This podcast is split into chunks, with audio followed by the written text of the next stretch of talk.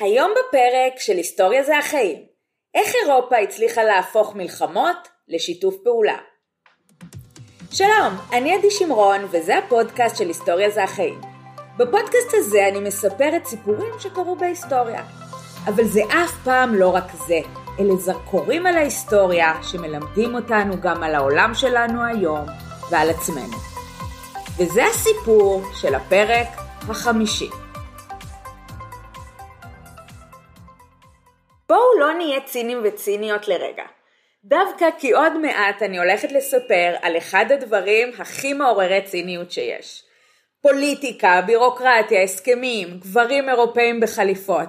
לא שמות ידועים ולא קרבות ולא נאומים בכיכר העיר לכל תשואות ההמונים. אבל בואו נאמין לרגע. בכוונות, בחזון, בתוצאה. ובלי קשר, כדאי להקשיב, כי זה פשוט סיפור מרתק. אירופה, יבשת של מלחמות. החריג אצלם הוא לא המלחמה, כמו שתי מלחמות העולם הקשות מהמאה ה-20. החריג אצלם הוא 76 שנות השלום שיש בינתיים. השנה 1945, ואירופה קרועה ממלחמת העולם השנייה שהסתיימה. ערים חרבות, חיילים פצועים, הרוגים, אזרחים פגועים. צריך לבנות מחדש, לא רק רגשית וכלכלית, אלא גם פיזית ממש את היבשת, את הבניינים. קשה לנו לדמיין את אירופה של היום ככה. המקום אליו אנחנו נוסעים ונוסעות לעשות שופינג, לבקר במוזיאונים, לאכול במסעדות ולהגיד, אלה אין להם בעיות, לא, לא יודעים מה זה מלחמות האלה. לא רק זה, אלא שאירופה יצאה מהמלחמה הזו רק 27 שנים אחרי שהסתיימה המלחמה ההרסנית הקודמת, מלחמת העולם הראשונה, שגם היא החריבה את היבשת. כמו אחרי מלחמת העולם הראשונה, הם רצו לעשות הכל כדי להבטיח שזה לא יחזור על עצמו.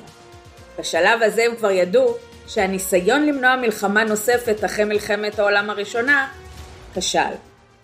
אחת הסיבות לכישלון הזה הייתה תמונה ביחסי גרמניה וצרפת. למשל הסכם ורסאי הכושל שנועד להיות הסכם שייצור שלום בין גרמניה לבעלות הברית והיה כישלון מוחלט. הוא היה מאוד חד צדדי לרעת גרמניה וצרפת הייתה בין המדינות המנצחות שניצלו את המצב כדי להשיג דברים.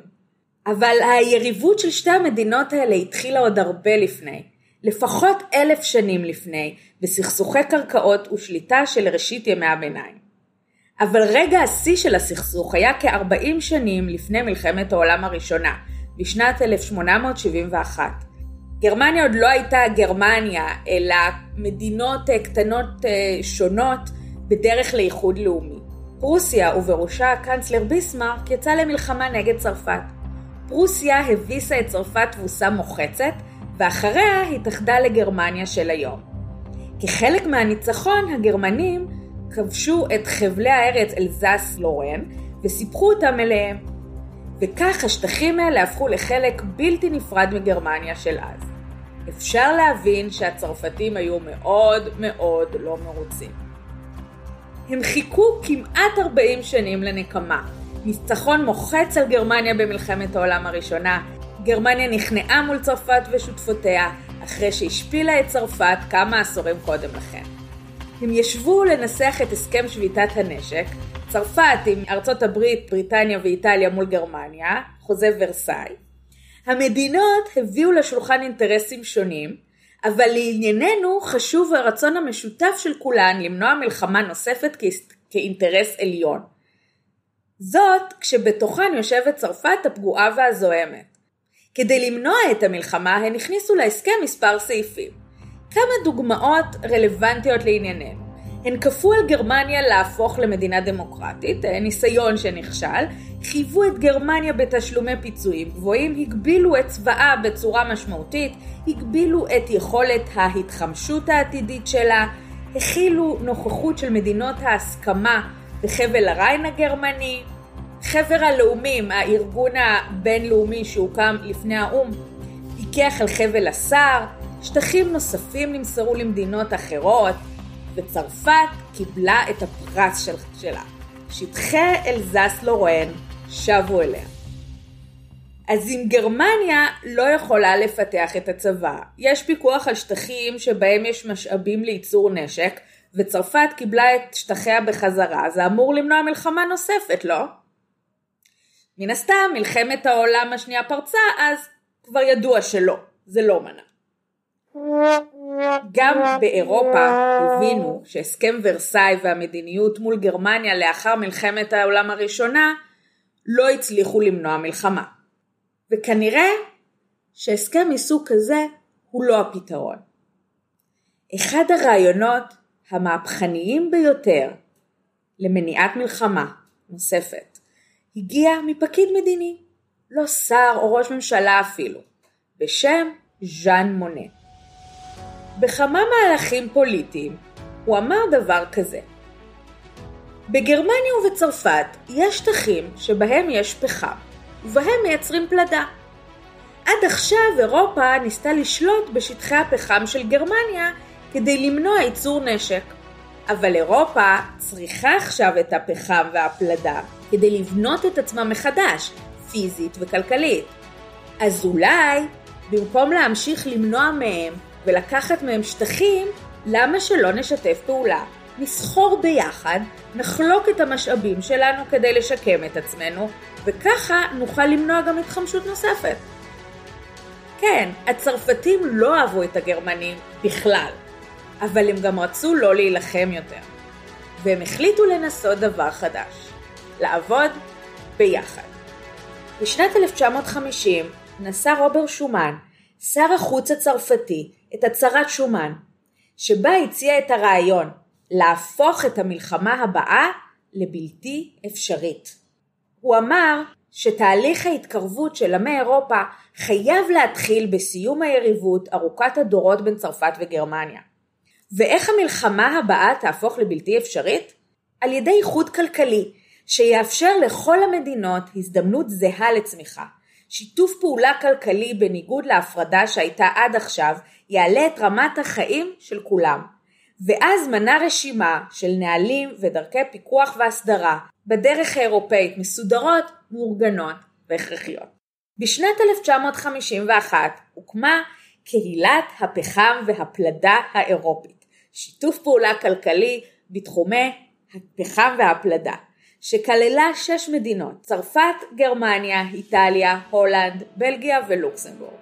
ב-1957 התרחב שיתוף הפעולה לתחומים כלכליים נוספים והוקמה הקהילה הכלכלית האירופית בנוסף, יחד עם סוכנות האטום האירופית. הקהילה הכלכלית שקידמה את השוק המשותף הפכה במהרה להיות הארגון החשוב מבין השלושה.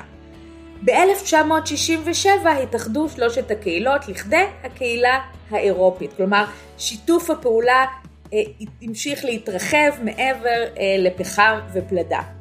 ב-1973 הצטרפו לראשונה שלוש מדינות נוספות לקהילה, בריטניה, אירלנד ודנמרק, ומאז הקהילה החלה לגדול בקצב. ב-1992, עם 12 מדינות החברות, נחתם הסכם מסטריכט, שבו עברה הקהילה להיקרא באופן רשמי האיחוד האירופי, שלו תנאי קבלה וחברות ושיתוף פעולה רחב הנוגע לכל תחומי החיים והמדינה. כיום חברות באיחוד האירופי 27 מדינות, אה, היו 28 אבל אה, בריטניה אה, פרשה לאחרונה. ארגון מושלם? ממש לא. ארגון שמוסכם על כולם? ממש לא. ארגון חף מבעיות וביקורת? ממש ממש לא. אבל האם הצליח ליצור שיתוף פעולה בין המדינות באירופה? כן. האם הצליח לקדם את הכלכלה והתרבות באירופה? בהחלט כן. והאם הצליח למנוע מלחמה? לאורך יותר מ-70 השנים האחרונות? התשובה היא ממש ממש כן. האירופאים מאמינים בהסכמים, מאמינים בדיפלומטיה, מאמינים שאפשר לעבוד ביחד וששיתוף פעולה הוא חשוב. מאמינים שזו מטרה חשובה מספיק בשביל לעבוד עבורה ולהקריב עבורה. זה חלק ממי שהם. במבחן ההיסטוריה, להם זה הצליח. יש לפודקאסט גם קבוצה בפייסבוק שבה אני מעלה שאלות, תוכן נוסף על הפרקים ויש דיונים מרתקים. חפשו היסטוריה זה החיים הפודקאסט בפייסבוק והצטרפו אלינו. יש גם קישור בתיאור הפרק. יש לי גם אתר שבו אפשר לקרוא על ההרצאות והקורסים שלי וליצור איתי קשר. דרך הקישור בתיאור הפרק, או פשוט בגוגל, היסטוריה זה החיים, עדי שמרון. עד הפרק הבא, אני עדי שמרון, וזה הפודקאסט של היסטוריה זה החיים. ביי!